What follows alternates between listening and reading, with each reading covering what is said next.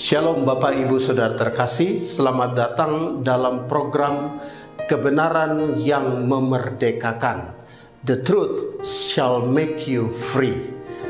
Sebagai seorang penulis renungan harian, saya beberapa kali ditanya oleh teman yang menceritakan tentang betapa besarnya, betapa beratnya tantangan dalam kehidupan khususnya akhir-akhir ini ketika pandemi COVID-19 melanda. Tantangan yang begitu besar membuat orang kadang-kadang hilang harapan, putus asa. Sepertinya sudah tidak ada jalan keluar lagi dalam menjalani kehidupan karena begitu berat. Ada kontrakan rumah yang harus dibayar.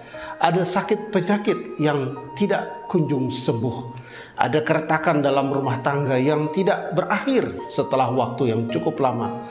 Persoalan-persoalan dalam hidup itu begitu datang menimpa, sehingga beberapa orang itu menjadi khawatir, dan ada yang bilang sepertinya hopeless saat-saat ini kita menjalani hidup.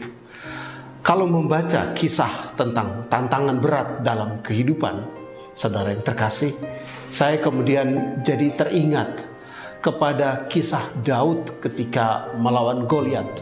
Ini sebuah kisah klasik dalam Alkitab, tetapi kisah klasik ini dapat menjadi pembelajaran yang sangat banyak. Oleh karena itu, mari kita lihat apa respon Daud ketika menghadapi situasi lawan yang begitu berat, yang begitu besar di secara ukuran, yang membuat dia kalau hanya melihat secara mata jasmani akan ketakutan, akan ciut karena begitu besarnya Goliat dengan baju perangnya, dengan peralatan tempurnya yang begitu profesional dibandingkan dengan Daud yang hanyalah seorang gembala ketika itu.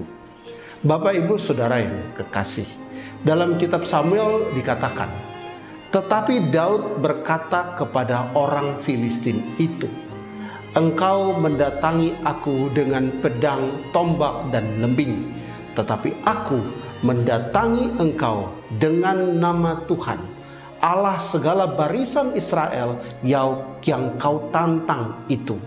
Pada hari ini juga Tuhan akan menyerahkan engkau ke dalam tanganku. Hari ini juga aku akan mengalahkan engkau. Wow, kita melihat begitu percaya dirinya Daud dalam menghadapi tantangan yang seberat itu, tantangan yang sebesar itu. Karena dia tidak berpegang kepada kemampuan, kompetensi diri dia sendiri, karena dia sendiri belum seperti profesional warrior yang biasa bertempur di medan perang seperti harinya Goliat. Tetapi yang bisa kita pelajari dari Daud adalah dia bilang kepada Goliat, "Engkau mendatangi aku dengan pedang, tombak dan lembing." Situasi yang datang menyerang kita saat ini itu jelas dengan hal-hal yang beralasan untuk membuat kita takut, seperti halnya Daud yang melihat situasi itu sebagai hal yang sungguh mengkhawatirkan.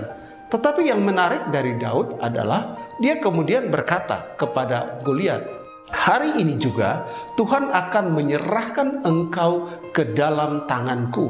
Aku akan mengalahkan engkau. Aku akan memenggal kepalamu dari tubuhmu." Aku akan memberikan mayatmu dan mayat tentara orang-orang Filistin kepada burung-burung di udara dan kepada binatang liar.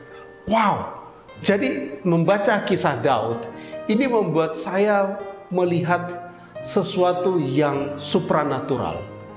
Karena Daud dengan segala keterbatasannya, persoalan yang begitu besar di hadapan mata, dia yakin dia bisa mengalahkan bukan karena kemampuan dia, bukan karena profesionalisme dia, bukan karena networking yang dia punya, tetapi dia percaya kepada Allah semesta alam yang diyakininya sanggup memberikan kemenangan buat Daud.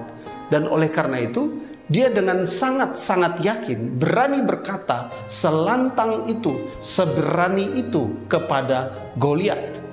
Jadi saya berpikir, masalah kita saat ini sangat banyak, berat beban ke depan ini.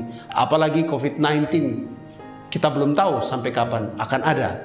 Tetapi melalui kisah Daud, kita belajar bahwa melawan situasi ketidakpastian karena pandemi ini bukan dengan kekuatan manusia kita, bukan dengan seberapa banyak tabungan yang kita punya, seberapa luas networking yang kita punya, seberapa jago kita berbisnis, tetapi kita melawan itu semua berdasarkan kekuatan yang Tuhan berikan di dalam kehidupan kita. Nah, Daud berkata, supaya segenap jemaah ini tahu Seluruh dunia tahu bahwa Israel mempunyai Allah. Kenapa? Dia harus mengalahkan Goliat dengan peralatan yang sesederhana itu supaya dunia tahu, jemaah itu tahu bahwa Tuhan menyelamatkan bukan dengan pedang, tombak dan lembing. Amin. Jadi ini pelajarannya sangat-sangat berharga. Pelajarannya sangat penting. Kemenangan bukan karena kekuatan, bukan karena kehebatan, sebab di tangan Tuhanlah pertempuran dan Tuhan akan menyerah, menyerahkan engkau Goliat ke dalam tanganku. Wow. Buat buat aku setelah membaca kisah Daud tersebut membuatku berpengharapan bahwa apa pun situasi dan kondisi ke depan, ketidakpastian yang ada karena pandemi yang panjang seperti ini. Itu ibarat Goliat yang begitu besar mau menyerang kehidupan kita. Tapi melalui renungan ini saya mau sampaikan bahwa ketika kita mengandalkan Tuhan, maka kekuatan supranatural dari Tuhan akan sanggup membuat kita menang, membuat kita berkuasa melebihi segala persoalan yang ada dalam kehidupan kita. Amin. Saya percaya firman Tuhan menguatkan kita semua. Kita hidup berpengharapan karena Tuhan mengasihi kita.